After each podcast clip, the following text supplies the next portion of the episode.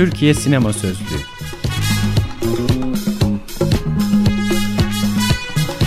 Altyazı Aylık Sinema Dergisi'nin 150. özel sayısından.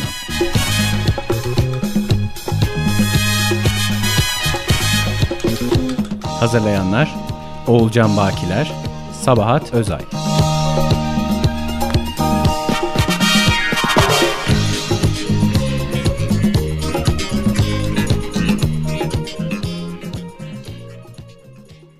Madde Madam Yazan Övgü Gökçe Okuyan Can Doğan Yeşilçam sinemasının en muğlak ve en üstü örtülü, bir o kadar da belirgin karakterlerinden biri. Değişen özellikleriyle matmazel versiyonu da mevcuttur.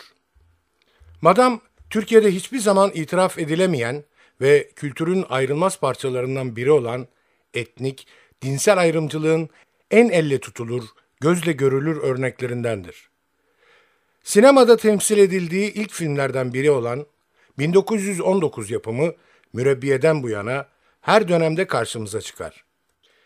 Birbirinden farklı kimlikleri imal edilmiş, tek bir aksanda birleşen konuşma biçimi, çoğunlukla altı çizilen mal varlığı, ya naif, ezik ya da fazla açık göz muhteris temsilcileriyle madam tam anlamıyla klişedir. Türkiye'nin çok kültürlü geçmişinin fütursuzca yok edilişini ve bu kaybın biraz da oldu bittiye getirilişini tüm berraklığıyla yüzümüze çarpar madam karakteri. İşte sana bahsettiğim Madame Surpik.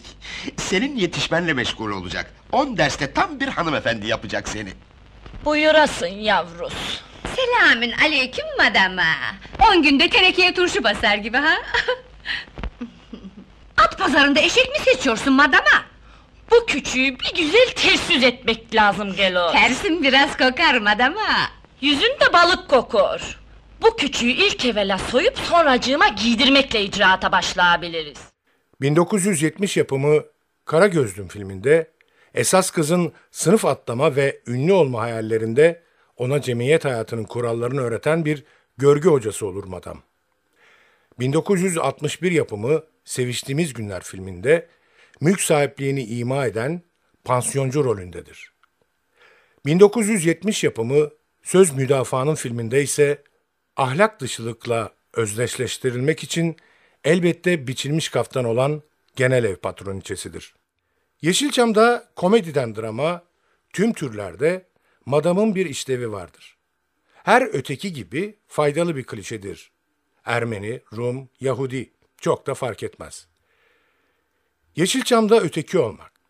Başlangıcından 1980'lere Türkiye sinemasının gayrimüslim temsilleri kitabında Dilara Balcı, Atıf Yılmaz'ın Beş Hasta Var filmi üzerine şöyle yazar.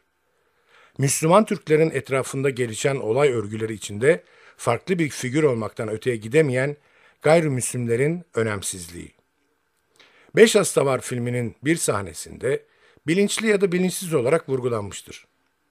Filmde Rum meyhaneci kendine isminin Yorgo olup olmadığını soran müşterisini şöyle yanıtlar. Yorgo, Koço, Mihal, Aleko, Miço isminin ne kıymeti var paşam? Yalnızca genel geçer tür filmlerinde değil, sinema tarihinin klasikleşmiş toplumsal gerçekçi filmlerinde de toplumsal sınıfları ve yozlaşan ahlakı tartışmak için madam tipiyle karakterize edilebilecek gayrimüslim temsillerine mutlaka yer verilir.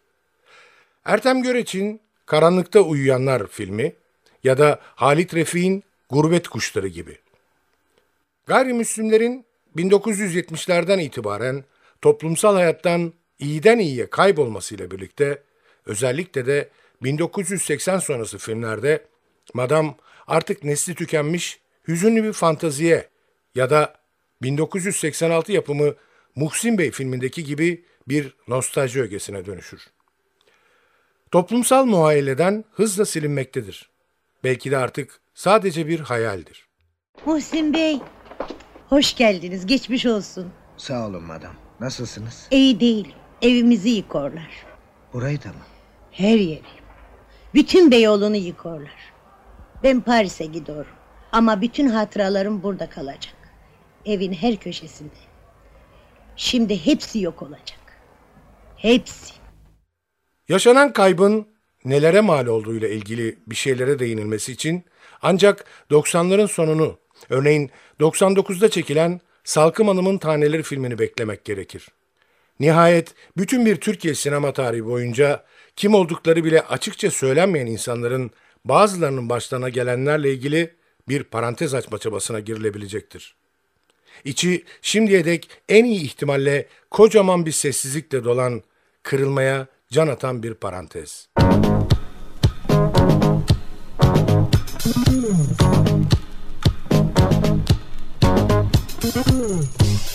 Türkiye Sinema Sözlüğü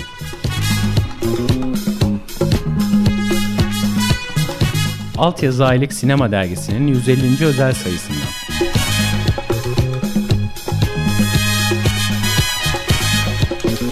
Hazırlayanlar Oğulcan Bakiler, Sabahat Özay